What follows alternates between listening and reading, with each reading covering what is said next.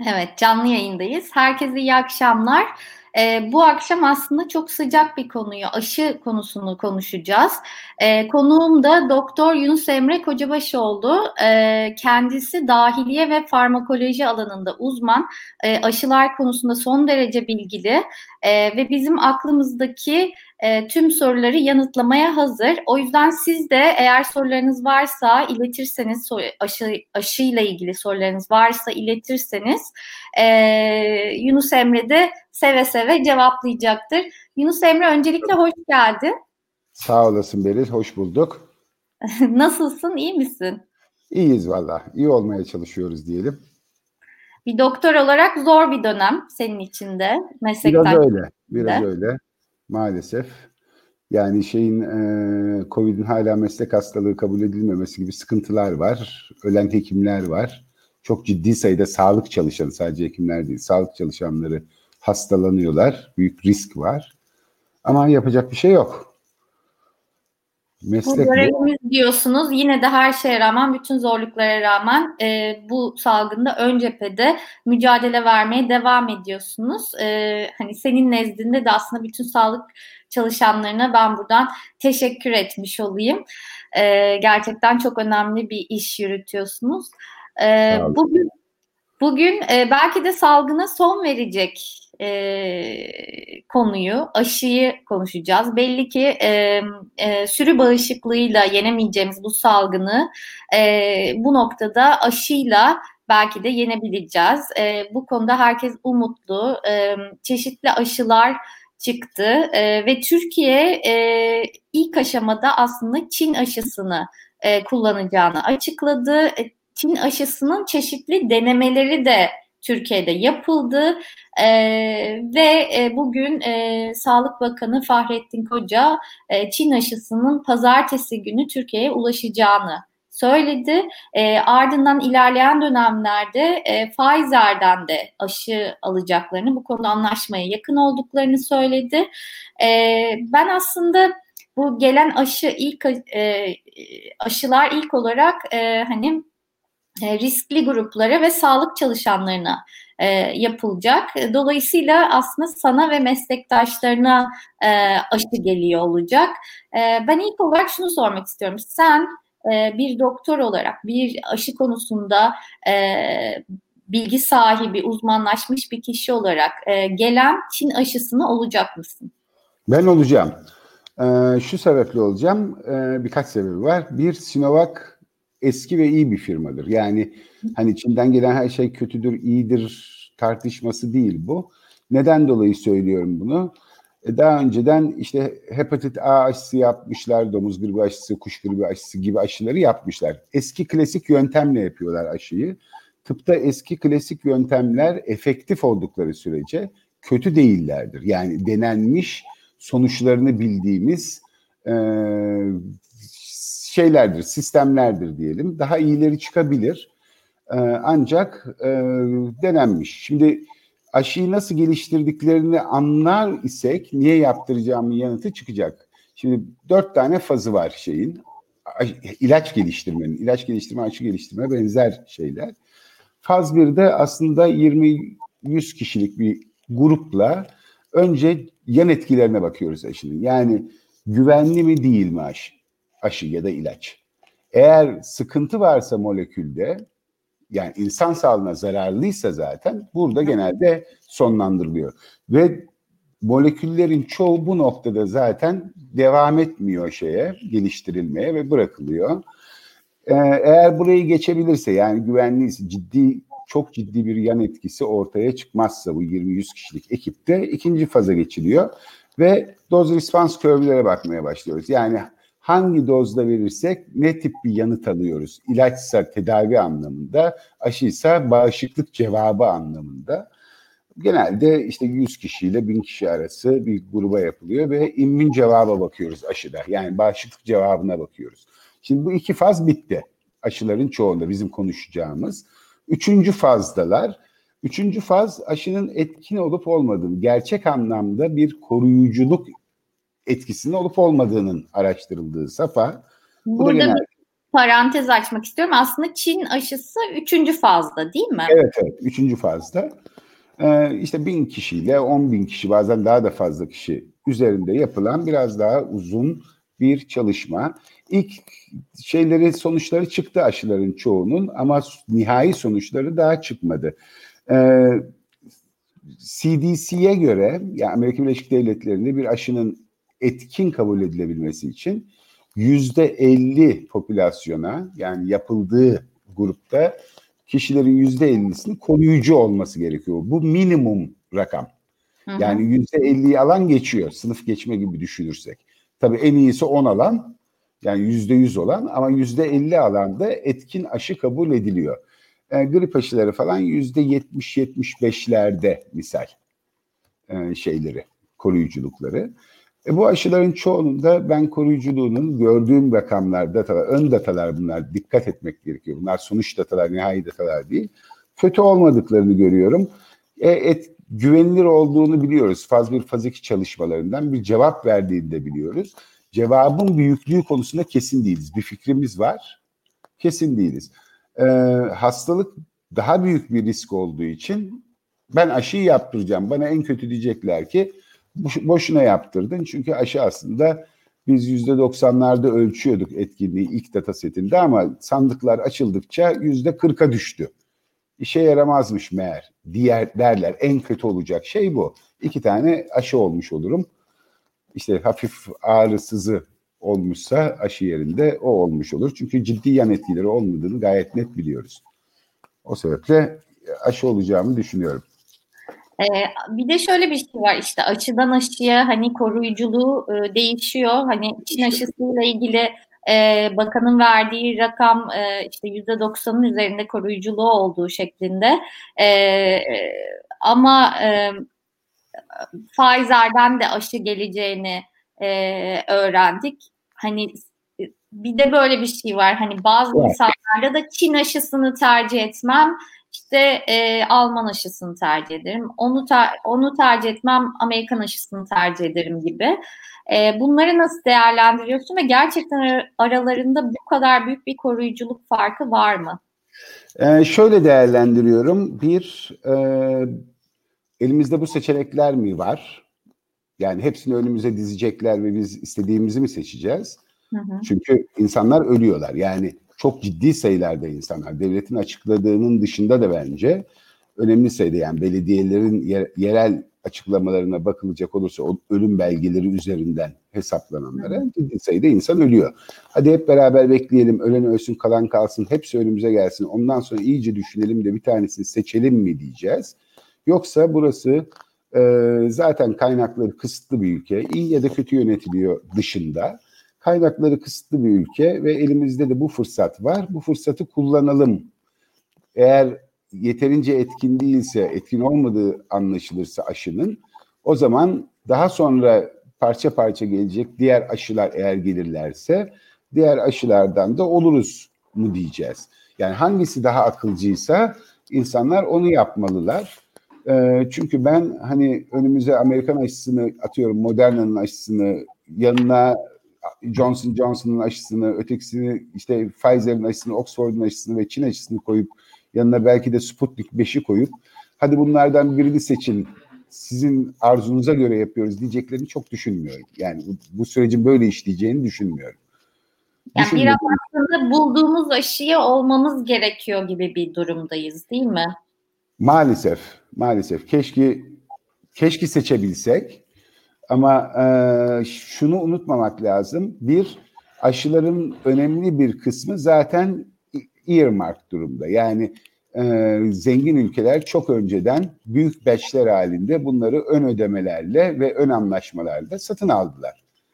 Yani e, ilaç pazarının nasıl işlediğini anlamak gerekiyor. Şöyle, e, tüm ilaç pazarına şey, ciro hacmi olarak bakar isek, 89'u bütün cironun üç bölgeden geliyor. Amerika Birleşik Devletleri, Avrupa Birliği, orada da aslında ilk beş ülke, kayda değer ülkeler, artı Japonya. Bu ülkeler dışındaki tüm ülkeler, bak çok büyük ülkelerden bahsediyorum. Çin'i, Hindistan'ı ve Endonezya'sı gibi büyük nüfuslu ülkeler. Hepsini üst üste koyuyorsun. cironun yüzde on biri ediyor. Yani öncelik, pazar önceliği doğal olarak Avrupa Birliği, Amerika Birleşik Devletleri ve Japonya'da. Çünkü para orada, para orada olduğu için de e, büyük ihtimal aşıların çok önemli bir kısmı bu ülkelere gidecek. İhtiyaç fazlası da gidebilir. E, illa ihtiyacı kadar alacağını düşünmüyorum. Garanti olsun diye, elimizde bulunsun diye, işte bir kısmı yolda bozulur, o olur, bu olur diye, dağıtımda sıkıntılar çıkabilir diye değil mi? Stok yönetimi diye bir şey var. E, daha fazla alacaklar. Biz onların arasından sıyrılıp ne kadar aşı alabileceğimiz sorusunun yanıtı bu yıl alabildiğimiz grip aşısı sayısıyla belirtilebilir. Yani Türkiye'de 18... alabildiğimiz grip aşısı sayısı e, neydi? 1,5 milyon. Yani 20 milyona yakın 18-20 milyon arası aşılanması gereken insan var. 1,5 milyon aşı alabildik. Çünkü herkes aynı anda grip aşısına saldırdı. E, zaten büyük alanlara öncelik tanıdı firmalar. Biz az az alıyorduk. Çünkü insanlar olmuyorlardı grip aşısı. Şimdi herkes olmak istediği için grip aşısı bulunamıyor. Paramız olsa bile. Yani ben hekimim. Üstüne işte bypass ameliyatı geçirdim 5 damar. Üzerine şeker hastalığım var ve üzerine yüksek tansiyonum var. Ben öncelikli değilim. Yani girdiğim zaman e-nabıza öncelikli grupta değilsiniz yazıyor. Kim öncelikli bilmiyorum. Çünkü o kadar az ki aşı. Büyük ihtimal yatalak olanlar, öncelikli olanlar. Yani başka öncelikli olabilecek insan kimdir, nedir? bilmek mümkün değil ya da çok yaşlı olup multiple hastalığı, organ e, şeyleri olanlar. Şimdi e, aşının dağıtılması, lojistik problem dışında ne kadar alabildiğiniz de önemli. Yani çok o anlamda çok optimist olmamak lazım. Bir anda aşı gelecek ve hepimiz Ocak ayında, Şubat ayında, Mart ayında aşılanıyor olacağız gibi bir durum yok. Aşıların çoğu e, Johnson Johnson'ın aşısı dışında e, iki tane yapılmak zorunda. iki doz. Ve genelde bunlar işte değişiyorlar. 21 günle 28 gün. Bir tanesi de 14 gün. Arası bir zamandan sonra tekrarlanması gerekiyor ki o yüzde 90'lara varan rakamlara ulaşabilelim. O sebeple de e, bu aşının devamlılığı ne kadar olacak, lojistiği nasıl sağlanacak, bazı aşılar mesela Moderna'nın yani messenger RNA teknolojisine dayalı e, aşılar çok ciddi soğuk zincir gerektiriyor. Eksi 20 derece gerektiriyor Moderna, eksi 70 derece gerektiriyor. BioNTech'in aşısı, Pfizer-BioNTech aşısı. Şimdi e, Çin aşısı, Oxford aşısı vesaire gibi aşıların çoğu 2-8 derece. Klasik aşı soğuk zinciri gerektirirken Hı. biz bunu sağlayabilecek miyiz, dağıtımını yapabilecek miyiz? Çünkü aşılama demek köy köy, mahalle mahalle aşılama demek. Yani aşılama çok emek gerektiren, çok zahmetli bir iştir. Dolayısıyla Öyle. Pfizer aşısının aslında bir anlamda ek bir e, mali yükü var. Var evet. Yani Afrika'da bunun çok akıllıca çözümleri başka çünkü Ebola virüs de öyle, Ebola aşısı da öyle yüksek derecelerde saklanmak zorunda şey olarak yüksek soğuk derecelerde.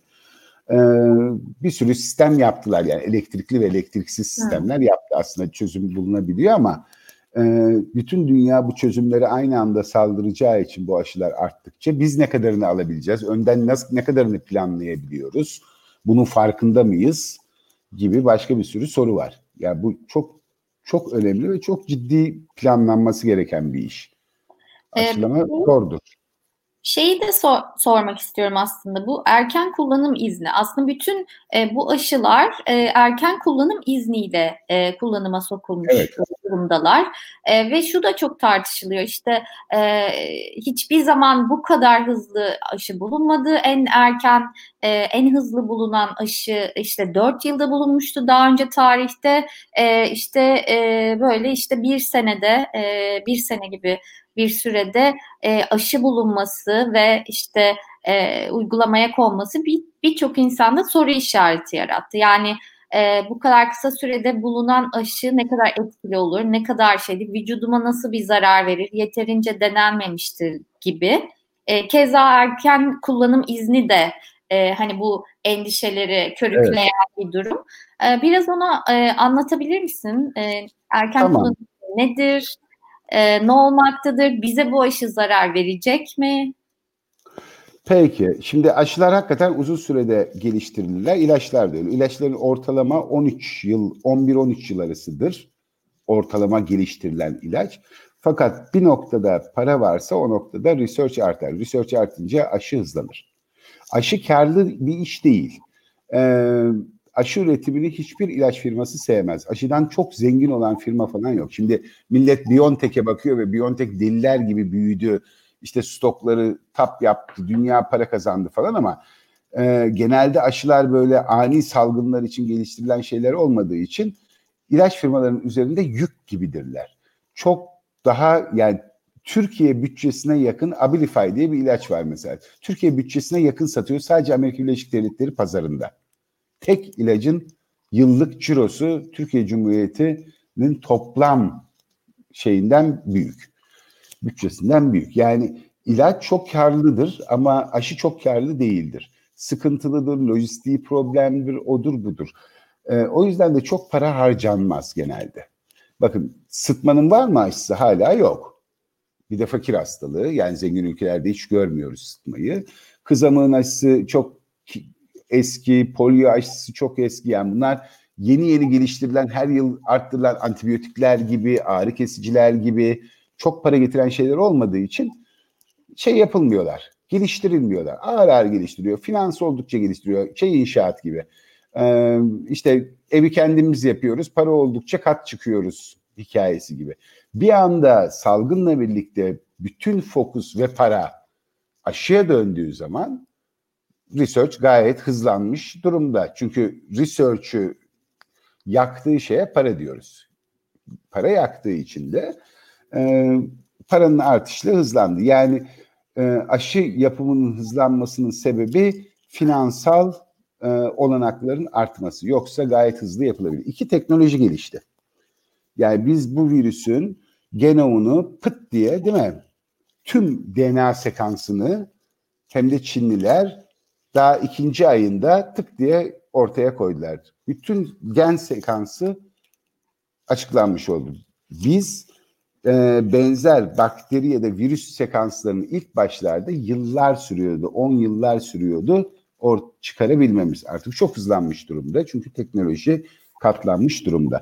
Yani aşının hızlanması hem teknoloji hem finansmanın e, gayet e, elde olmasıyla alakalı. Ama emin ol işte e, ki Oxford onu da söyledi. Bu arada galiba sıtma aşısını da bulduk diye. Deliler gibi moleküllere saldırırken paranın çokluğundan. Belki Hı. o da çıkacak ama o iş çıkmazsa emin ol sıtma aşısı önümüzdeki 50 yıl, 60 yıl, 100 yıl boyunca bulunamayacak.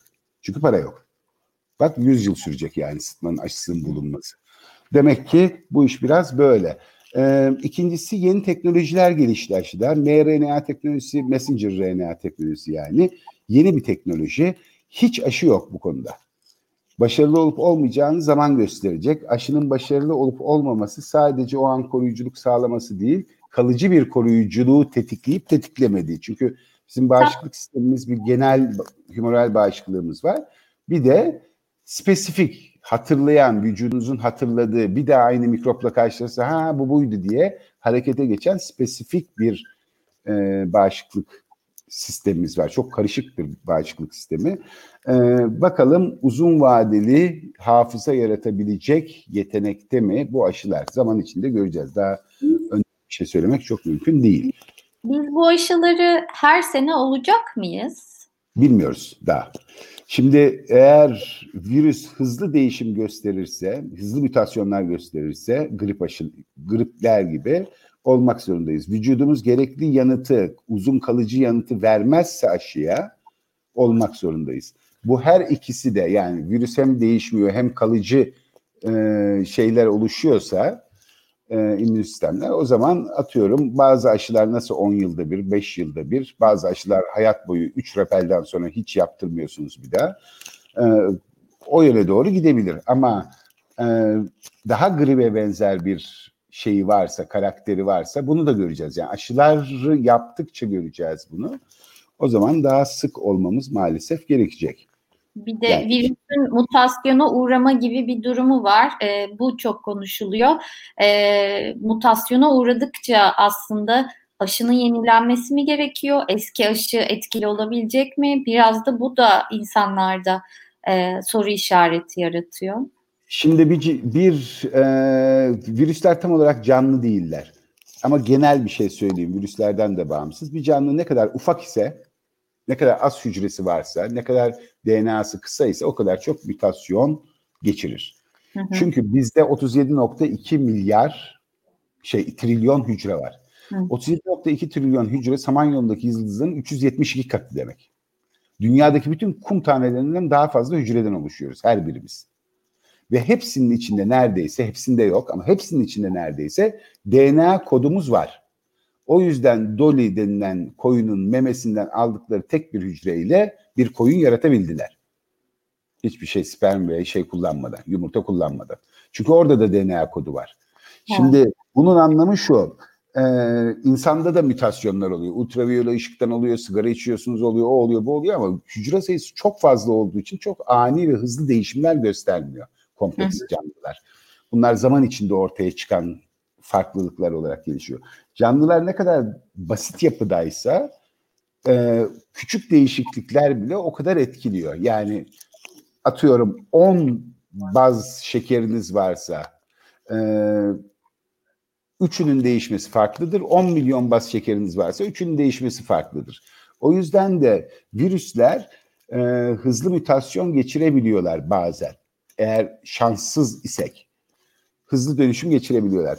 Ee, buna cevap verebilecek aşı teknolojileri var. Cevap vermekte geç kalacak, zorlanacak aşı teknikleri var. Klasik aşı tekniği cevap vermekte zorlanır. Çünkü sil baştan oturursunuz ve tekrar yaparsınız. Ama e, işte vektör temelli aşılar ya da mRNA, DNA, RNA gibi e, o temelli aşılar çok hızlı bir biçimde o değişen kısmı siz de aşıda değiştirerek çok hızlı yanıtlarla yeni modifiye aşılar yapabilirsiniz. Yani sonuç olarak e, elinizde o teknoloji de var. Onunla baş etmek çok zor değil. Mutasyonlar her zaman daha kötüye olmaz, daha iyiye de olabilir. E, AIDS virüsünün geçirdiği, HIV'nin geçirdiği mutasyonlar gibi değil mi? Başında çok öldürücüydü. Tabii ilaç teknolojisi zıvır da gelişti o sırada ama virüsün genel öldürücülüğü de azaldı. Evrimsel olarak zaten biz genelde virüslerin ve bakterilerin zaman içinde etimizden sütümüzden yararlanmak için bizi daha az öldürmesini bekleriz. Adapte olmasını bekleriz. Yeni çıkan virüslerin zaman içinde bizle uyum sağlayarak daha uzun süreli değil mi? Bizi canlı tutmak onun çıkarına çünkü. Daha uzun süreli bir ilişkiye girmelerini bekleriz. Yani mutasyonların çoğu aslında kötü olmazlar ama bir kısmı kötü olur. Hmm.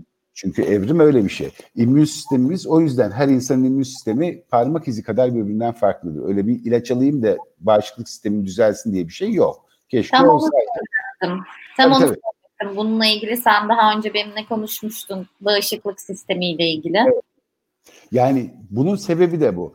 Bir virüs e, bizi toplu halde öldürmesin diye hepimizin yanıtı birbirinden çok az da olsa farklı. Bir kısmımız çok ağır geçiriyor, bir kısmımız çok hafif geçiriyor, bir kısmımız hiç fark etmiyor bile.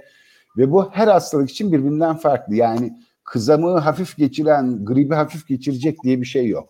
Yani immün sistem öyle bir, şey değil, örtü değil, blanket koruma sağlamıyor.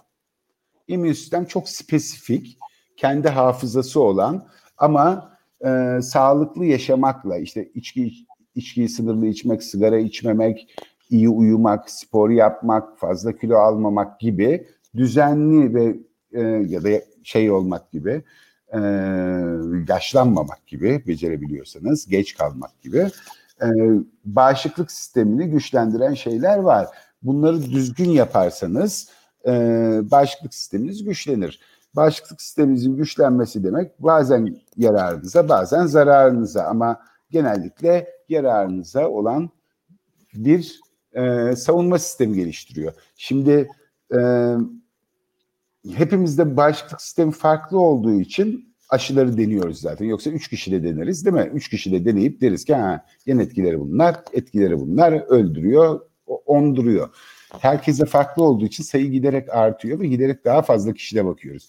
Dördüncü faza geldiğimiz zaman aşı geliştirmede mesela post marketing dediğimiz Artık o kadar çok insana yapmaya başlıyoruz ki normalde çıkmayan o milyonda bir, 500 binde bir, 100 binde bir, 10 binde bir advers, ters ilaç reaksiyonları çıkmaya başlıyor. Hiç beklemediğimiz, hastayı çok kötü ölen, bazen ölüme kadar gidebilen, değil mi? Kızamıkta mesela 2 milyonda bir riskimiz var bu ciddi yan etkiler konusunda. Demek bunlar zamanla çıkıyor. Yani hepimizin yanıtları farklı ama bu bir kar zarar hesabı verir. Bunun anlamı şu, e, kızamık aşısında, kızamık aşısı yapmadığın zaman kızamıktan ölme riskin 1500'de bir. Her 1500 kızamık geçirenden bir tanesi ölecek. İstatistik bunu söylüyor bize. Ya 15 milyon kişi kızamık geçirirse değil mi? Onun 100 bin tanesi ölecek. Aşı yaptığımız zaman e, çok ciddi yan etki çıkması 2 milyonda bir toplam bugüne kadar aşıdan bu ciddi yan etkilerden literatüre geçmiş ölen kişi sayısı 3. Kızamık için söylüyorum. Kar zarar hesabı yapıyoruz. Yani 100 bin kişi mi ölsün, 3 kişi mi ölsün? Kar zarar hesabı. Diyoruz ki 3 kişi ölsün. O 3 kişi tabii sana rast gelirse çok üzücü ve elem verici bir durum ama e, ilaç mantığında, tedavi mantığında zaten bu var. Hiçbir yan evet. etkisi olmayan tedavi olmadığı için. Öyle bir tedavi modülasyonu yok. Bir risk değerlendirmesi senin de dediğin evet, gibi. Evet. Ee, burada evet, da evet. bir sorumuz gelmişti. Aşı yan etkisinden korkuyoruz. Örneğin felç gibi. Aşının felç gibi bir yan etkisi var mı? Hayır. Ee, aşının felç gibi bir yan etkisi yok. Aşıların yan etkileri e, değişir. Aşının içindekilere karşı alerjik reaksiyonlar bizim en korktuğumuz reaksiyonlar. İşte grip aşıları yumurtada üretilirler. Yumurtaya karşı eğer reaksiyon gösteriyorsanız, ciddi bir alerjik reaksiyonunuz varsa e, aşı yapıldığı zaman çok hızlı gelişen bir anafilaktik şok tablosuyla karşılaşabilirsiniz. Hmm. Bunun anlamı yapılan yer tıbbi bir yer olmak zorunda. Hekim hemen o şeye karşı müdahale edebilmek zorunda. Ama sizi felç etmez, otistik yapmaz, efendim e, hasta da etmez işin komiği. Yani aşıların bir tane polio var vaka gerçek anlamda e, çocuk felci aşısı. O, o aşı artık kullanılmıyor zaten. Canlı şey atenüye virüs deniyor. Zayıflatılmış virüs deniyor. E, o aşıyla yap, yapıldığı zaman bir kişi çocuk felci olmuş tarihte. Bir tane o var. E, hastalığın kendisine benzer reaksiyonlar gösterebiliyorsunuz aşı yapıldığı zaman. Hı. Mesela kızamık aşısı yapılıyorsunuz. Kızamığa benzer ama kızamık olmuyorsunuz aslında. Çünkü virüs yapmıyor onu. Çünkü sizin hastalık diye algıladığınız pek çok şey, boğazınızın şişmesi, burnunuzun akması, ateşinizin çıkması, vücudunuzun savunma mekanizmaları.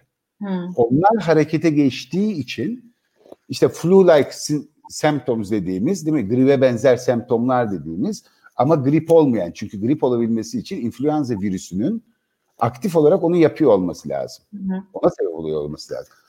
E, ona benzer bir reaksiyonlar grubu görebiliyorsunuz. Genelde bunlar hafif geçiyor ve kısa geçiyor.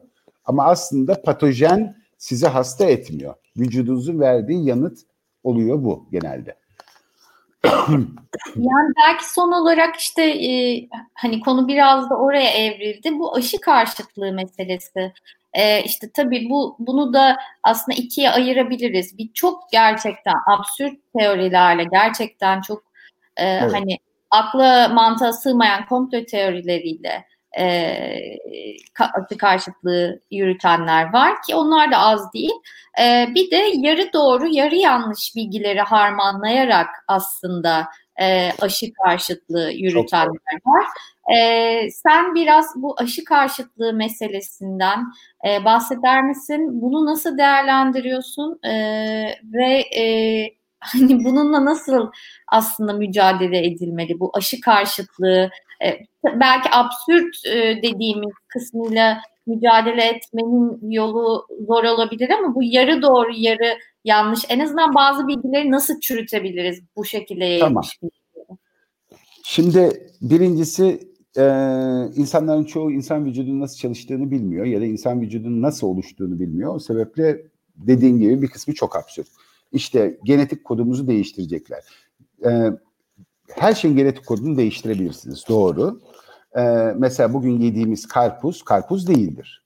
Genetiğiyle oynanmıştır karpuzun. Çünkü karpuz normalde açtığınız zaman e, Greyfurt'a benzer. Büyüklüğü de o kadardır. Böyle etrafı çok kalın beyaz, içine doğru beyaz septumları olan ve aralarından incecik incecik kırmızı bölümleri olan çok azı yenebilen bir meyvedir. Buğday şey olarak e, e pardon e, mısır realde buğdaya benzer.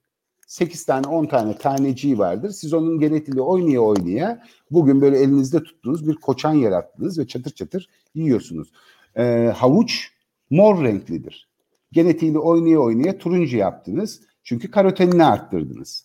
Yani insanoğlunun kullandığı bütün gıdaların genetikleriyle oynanmıştır. On binlerce yıldır insanoğlu genetikle oynuyor. Eski e, şeylere bakarsanız göreceksiniz. E, özellikle Hollandalıların natürmortlarına karpuz yazın, Dutch natürmort diye yazın. Göreceksiniz ki karpuzun şekli hiç beklediğiniz gibi değil. Bir sürü meyve öyle. Ya yani portakal öyle, mandalina öyle, değil mi? E, hepsinin genetiğiyle oynanmış durumda. Bunun doğalı ya da sentetiği diye bir şey yok. Genetik genetiktir. Yani genetik öyle ayırmaz. Aa bunu doğal değiştirdiler. O zaman daha akıllı olayım bak bunu laboratuvarda değiştirdiler o zaman daha sert davranayım diye bir şey yok. Mendelian kurallar her yerde geçerli. Şimdi e, fakat bunu değiştirebilmek için hücre sayısının az olması lazım. Yani çocuk döllendikten hemen sonra değiştirebilirsiniz değil mi? Tüp bebekken yapıyorken misal diyebilirsiniz ki Aa, bunun genetik defekti var bunu ekmeyelim. Bunun işte şey taşıyıcılığı var, hemofili taşıyıcılığı var bunu da kullanmayalım gibi de ayırabilirsiniz. Fakat insanoğlu dediğim gibi 37.2 trilyon hücreden oluştuğu için ve bu hücrelerin neredeyse tamamında DNA'mız kopyalandığı için, hepsi olduğu için o yüzden zaten sperminizden, parmak izinizden değil mi saç döküntünüzden katilsiniz tak diye buluyor adli tıp sizi. Bunların hangisini değiştirecek aşı? Nasıl bir aşı bu? Nasıl bu, bu teknoloji olsa zaten adam niye aşı üretmeye çalışsın? Bu teknolojiye sahip olan adam senin laboratuvar ışınlama teknolojisine sahiptir. Işınlar orada değiştirir, geri gönderir gece uyurken sen yatağında. Yani bunlar çok absürt ve anlamı olmayan şeyler. Ha bir kısmı dediğin gibi daha e, bilimsel olduğu düşünülüyor şeyler tarafından. Bir gözlemlere dayalı olanlar var. Biz şimdi bilimde sporadik data data değildir deriz. Yani 10 kişi toplandınız, arkadaş muhabbet ediyorsunuz. Şöyle bir saydınız, 8 tanesi kadın, 2 tanesi erkek. Aa dünya nüfusun %80'i kadın, %20'si erkek diyemezsiniz. Yani sizin gözleminiz genellenebilir değildir. O yüzden de e, bir kısım şeyler, sorunlar onunla ilgili. Mesela aşı hastalık yapar. Grip aşısı yaparsanız sizi 3 hafta korumaz grip aşısı. 3. haftadan sonra korumaya başlar. Siz arada grip olursanız bunu aşıya yorarsınız. Aynı soğuk havayı hasta olmaya yorduğunuz gibi değil mi? Çıktım soğuk havaya, dün soğuk havada kaldım, bugün boğazım şişti. Hayır, o mikrop size üç gün önce girdi, üç gündür ürüyor orada. İnkübasyon diye bir şey var. Sizin dün soğuk havaya çıkmış olmanız tamamen tesadüf. Soğuk su içince boğazlarım şişiyor. O zaman hiç soğuk bir şey içmiyor olmanız lazım. Çünkü her şişinizde şişiyor olması lazım, şişmiyor. 500 kere içiyorsunuz, bir tanesinde tesadüf başka bir zaman bulaşmış mikroptan şişiyor. Siz onu ona bağlıyorsunuz. Aşı hasta eder hikayesi de bu. Yani e, aşı size hasta etmez literatürde gösterilmiş dediğim gibi bir tane vaka var. Bir başka şey çok bilinen aşıda formaldehit var doğru var. Alüminyum var doğru var. Ve bunlar insanlara otizm verir, onu yapar, şunu yapar.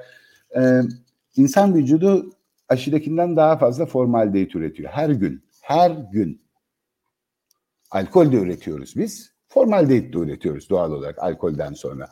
Ee, leblebi gibi yenilen işte Gaviscon'uydu, Renis'iydi, ıvırdı, zıvırıydı. Bütün antasitler içinde aşının her dozunun 30 ile 300 katı alüminyum var.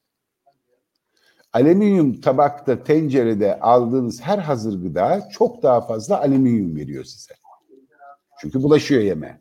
Şimdi bunların hiçbirinden sıkıntı olmuyor da aşıyı yaptığınız zaman oradan gelecek alüminyum sıkıntı yapıyorsa ki yapmıyor. Ee, şeyin çok bir anlamı yok. Bir başka hikaye çok yaygın olan onu da hemen söyleyeyim. Çok zamanını alıyorsam söyle bana. Yok, Aşı yok. otizm otizm yapar hikayesi. Bu hikaye çok güzel ve ilginç bir hikayedir. Nereden başlıyor? 1998'in Şubat'ında Lancet'te bir yazı yayınlanıyor. Yazı çok ilginç. Andrew Wakefield diye bir doktorun bu e, mide bağırsak sistemiyle e, çalışan bir doktor e, 12 vakalık bir şey yayınlıyor. E, seri yayınlıyor ve bu seride diyor ki kızamık aşısı olanlarda bir durum ortaya çıkıyor. Bunlar otistik hale geliyorlar. Buna biz enterik otiz, otizm adını verdik diyor. Böyle bir hastalık bulmuş oluyor. O büyük olay oluyor 98'de. Lancet çok kıymetli dergilerden bir çok prestijli dergilerden bir tanesi. Ee, işte 60 Minutes'e çıkıyor, dünya fon alıyor, araştırmayı desteklemek için falan. Fakat 2004 yılında Brian Deere diye bir gazeteci ya bu kadar genellenebilir mi 12 hastadan oluşan bir vaka serisi acaba diye araştırmaya başlıyor. Araştırınca iyice ortalık karışıyor. Çünkü e, Dr. Andrew Wakefield Londra'da bir hastanede, bağırsak hastanesinde çalışmasına rağmen hastaların hiçbiri Londra'dan değil. Hatta iki tanesini ABD'den uçurmuşlar. Çok da fakir ailelerin çocukları bunlar. Ve ailelere para teklif edilmiş.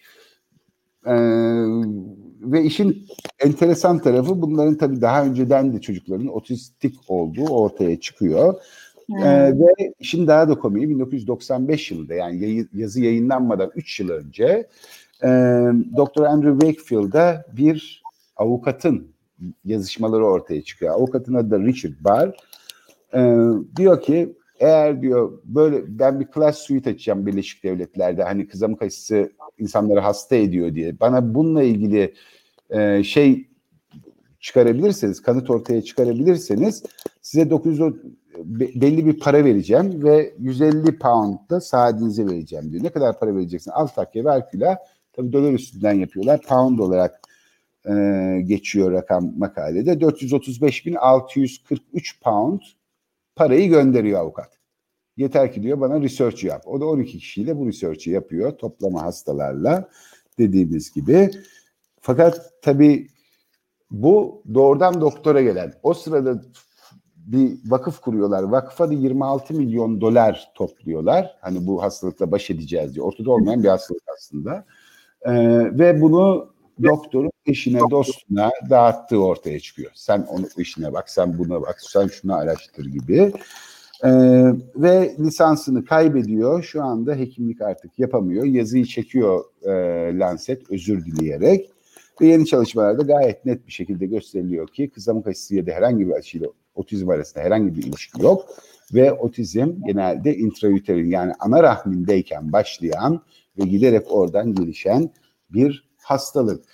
Ee, ama ama bugün fakat, bile bu yazıya at, at, atıfla pek çok insan aşı karşıtlığı yapabiliyor. Evet evet. Ya böyle böyle tuhaf e, çok delice şeyler hakikaten var.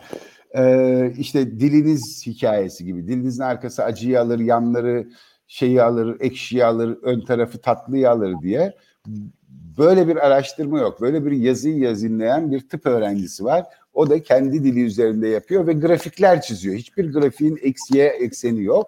O bir şaya olarak 1906'lardan başladı. 1906'larda yapıyor bunu. 1970'lere kadar geliyor. Ve liselerde öğretiliyor bu. Böyle dil haritaları vardır. Burası acıyı alır, burası tatlıyı alır, evet. burası ekşiyi alır, evet. burası tuzlu. Daha sonra anatomik çalışmalarla gösteriliyor ki bunun hiçbir gerçekliği yok.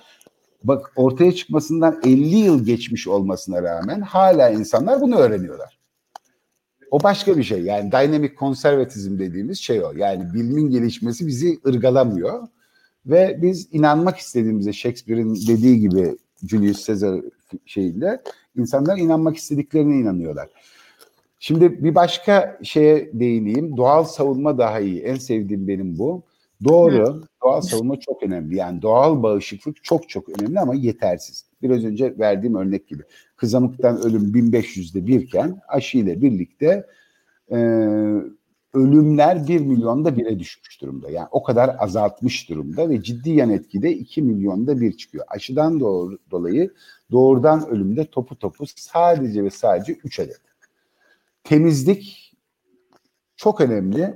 Bu Türkiye'de çok söylenmiyor. Çok temiz bir halk olmadığımız için. Temizlik, sanitasyon aşıdan vesaireden çok daha etkin. Bunun söylenme sebebi şu. Ee, bütün hekimlerin yaşama katkısı e, lavabocuların katkısından daha az. Çünkü sanitasyon yani temiz ev ve atık suyun giderilmesi eve geldiğinde 1900'lerin başında hı hı. dünya nüfusu o zamana kadar 300-500 milyon arasıydı yüzyıllarca. Bir anda sanitasyonun gelmesiyle 6 milyar, 7 milyar, 8 milyara kadar çıktık. O doğru. Yani temiz suyun gelmesi ve atık suyun evden Çıkmadı. atılıyor olması çok ciddi etki yaptı. Ama şey öyle değil. Hastalıkta öyle değil. Çünkü bağışıklık sisteminiz bu bir evrimsel gelişme. Bağışıklık sisteminiz zaten bir kısım virüsleri ve mikrop şeyleri, bakterileri öldürüyor. Soluduğunuz hava temiz falan değil. Her yeri dolu. Onların bir kısmını zaten öldürüyor ama baş edemediği noktada e, çaresiz kalıyor. Çünkü evrim siz onunla baş ettikçe onlar azalıyorlar. Hayatta kalanlar daha güçlü oluyor ve sizin bir üstünüze çıkıyor. Yani böyle bir basamaklar halinde bir yarış bu. Ee, işte kızamıktan gidiyoruz madem oradan örnek vereyim. Amerika Birleşik Devletleri'nde 1963 yılında 200 e, bin vaka görülüyor. Her yıl kızamık vakası. Ölümden bahsetmiyorum. Düz vaka. Ee, aşı bulunduktan sonra aşı 64'te buldu. 65'te başladılar yapmaya. 1970'te toplam o 900 bin kişi 25 bin kişiye düşmüş oluyor. Hemophilus influenza diye çok berbat bir bakteri var. İnfluenza virüsünden farklı. 1867'de bunun grip yaptığı sanıldığı için influenza denmiş. Halbuki daha sonra biz bunun bakteri olduğunu, tamam akciğer hastalıkları yaptığını özellikle de gripten sonra biliyoruz. O yüzden adı Hemophilus influenza bakterisi kalmış. Bir de influenza virüsü var. O virüs grip yapan virüs. Şimdi Hemophilus influenza'dan 1990'da Birleşik Devletler'de 20 bin vaka görülürken aşısı bulundu. 91'de başlandı. 93'te 1500'e düştü vaka sayısı. Yani aşılar çok ciddi bir şekilde hastalık insidanslarını, hastalık görülme şeylerini azaltıyorlar. Genelde aşıya karşıtlıklar buralardan çıkıyor. Senin başka sorun varsa yanıtlayayım. Ee, Benim aklıma gelenler bunlar. Yok. Ee, bence her soruyu uzun uzun gayet güzel cevapladın. Ee, ben sana şeyi sormak istiyorum. Yani bütün bunlarla ilgili bu aşı meselesi, işte korona aşısı meselesi ve aşı karşıtlığı meselesi nezdinde senin eklemek istediğin bir şey var mı diye sormak istiyorum. Yani aşı karşıtlığı e, oldukça yaygın, oldukça moda, düz dünyacılık gibi. E, yapılabilecek çok bir şey var mı bilmiyorum. İnsanları zorla ne kadar aşılayabilirsiniz ondan da emin değilim. Bunun bir etkisi olur mu? O apayrı bir tartışma. Bu arada ee, Türkiye'de de zorunlu olmayacakmış aşılama. Evet. Ee, onu da evet. öğrenmiş olduk. Ama ama e, şunu net olarak söyleyeyim. E, hayatta kalma şansınızı arttırmak istiyorsanız ya da sevdiklerinizin hayatta kalma şansını arttırmak istiyorsanız aşı olmanızı ve ya da sevdiklerinize aşı yaptırmanızı kuvvetle tavsiye ediyorum. Aşılar yanlış anlaşılmalardan bir tanesi şu. Aşılar sizin enfekte olmanızı önlemezler. Yani aşı bir tulum değildir. Sizin hastalığa hazırlıklı olmanızı sağlar. Önden hazırlıklı olmanızı ya hissetmeden hemen hızlıca geçirmenizi ya da çok hafif atlatmanızı sağlar. Ya yani aşının ne olduğunu ve nasıl çalıştığını anlamak için söylüyorum. Ee, bazı aşılar var ki daha yavaş olan bakteri tipi hastalıklara karşı ilk karşılaşmada hemen yok ederler ve hiç bulaşma çok lokal kalır. Çok küçük bir bölgede boğazınızın ufak bir bölgesinde kalır ama bu tip aşılar genellikle sizin hasta olmamanızı sağlamazlar. Hastalığı hafif geçirmenizi sağlarlar. O sırada siz hala yayıyor olursunuz aşı olmadıysanız aşı olmuş kişiden hastalığın size bulaşma riski hala var demektir. Daha azdır ama var demektir. Hiç yok diyen e, hekim bulamazsınız. O yüzden e, aşı olmak hani survival of the fittest e, aşı olmak akıllıca bir iş ama e, ben tavsiye ediyorum. Kim nasıl yapacak onu bilmiyorum ama. Ve aşı olduktan sonra da korona aşısı olduktan sonra da aslında maskeleri takmaya ve önlemleri almaya devam etmemiz gerekecek değil mi? Ya be, belli bir rakama ulaşılırsa bu virüsün ne kadar bulaşıcı ve ne kadar e, virülans nasıl diyeyim şiddetle enfeksiyon yaptığıyla falan ölçülebilen bir şeyi var ama e, atıyorum yüzde yetmiş, yüzde seksenler civarında zaten aslında sürü bağışıklığı dediğimiz şey aşıyla yaratılan şeyin adı literatürde.